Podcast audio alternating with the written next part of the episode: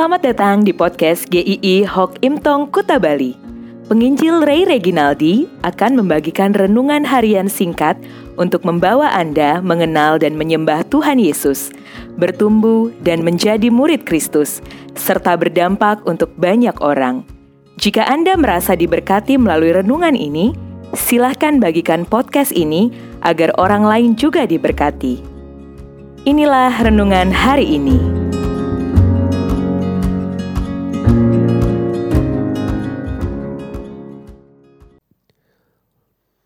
Kita tidak hebat. Amsal 3 ayat 5 sampai 6. Percayalah kepada Tuhan dengan segenap hatimu dan janganlah bersandar kepada pengertianmu sendiri. Akuilah dia dalam segala lakumu, maka ia akan meluruskan jalanmu. Mempercayai Tuhan itu bukan hal yang sulit ketika hidup kita juga tidak sulit. Tetapi sering kali menjadi lain ceritanya ketika hidup ini sulit dan tidak sesuai dengan harapan. Seperti Abraham, dia sempat mengambil jalannya sendiri untuk memperoleh keturunan, jalan yang tidak dikehendaki oleh Tuhan. Saat itu dia sedang tidak mempercayai janjinya Tuhan. Abraham merasa kemungkinannya sangat kecil untuk punya keturunan, sedangkan usianya sudah semakin lanjut dia memerlukan ahli waris untuk apa yang dimilikinya. Pergumulan kita sering kali ingin kita lewati seperti memasak mie instan. Hanya butuh tiga menit untuk mengisi kekosongan perut. Semua kita tidak ada yang ingin berlama-lama dalam pergumulan. Setiap hari yang baru pasti ada harapan semuanya itu akan selesai di hari itu.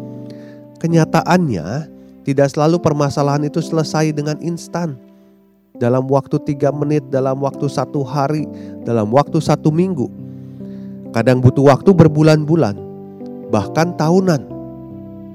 Atau kenyataannya, ada yang tidak selesai sampai akhir hidup ini. Apakah ketika waktu Tuhan berbeda dengan waktu kita, kita masih mau mempercayai Tuhan? Apakah kalau Tuhan izinkan sakit penyakit itu ada seumur hidup kita, kita masih mau percaya padanya? Firman Tuhan hari ini mengatakan, "Percayalah kepada Tuhan dengan segenap hatimu." Perhatikan, dikatakan dengan segenap hatimu. Ayat ini menekankan jelas percaya kepada Tuhan itu jangan 50-50, jangan 90%, tetapi segenap hati Jangan curiga sedikit pun kepadanya. Dia tidak pernah bermaksud jelek dan jahat. Percaya kepada Tuhan itu tidak kenal situasi, termasuk situasi-situasi yang sulit, yang bahkan tidak dapat atau belum dapat kita pahami. Percaya kepada Tuhan itu termasuk percaya bahwa waktu Tuhan itu yang terbaik. Kita tentu mengamini bahwa waktu Tuhan yang terbaik. Itu artinya kita percaya bukan waktu kita, tetapi waktu Tuhan. Kapan? Tidak tahu. Percaya saja. Kekecewaan kita kepada Tuhan sering kali karena ekspektasi kita akan waktu penyelesaian itu tidak tepat seperti yang kita harapkan. Kita boleh dan harus punya harapan pergumulan itu bisa berakhir.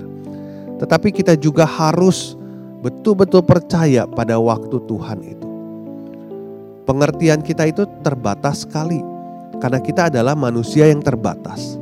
Tetapi waktu Tuhan itu sempurna. Dia tidak akan merevisinya. Tujuannya pasti indah.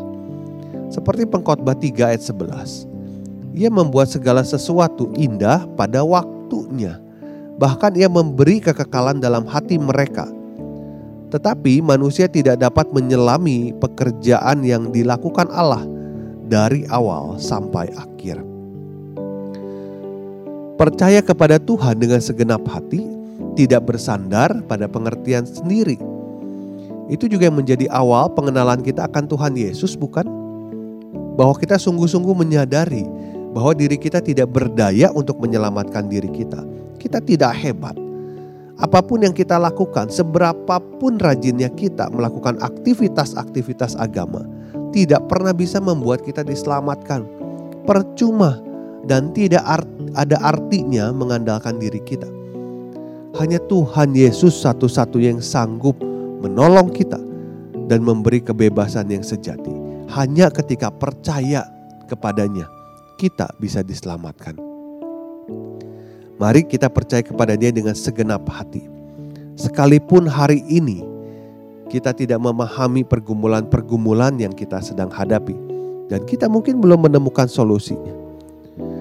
Percayalah, pengertian kita tidak pernah lebih hebat dari Tuhan. Maka Anda harus percaya bahwa Tuhan yang membuat kita mengerti betapa hebatnya Dia.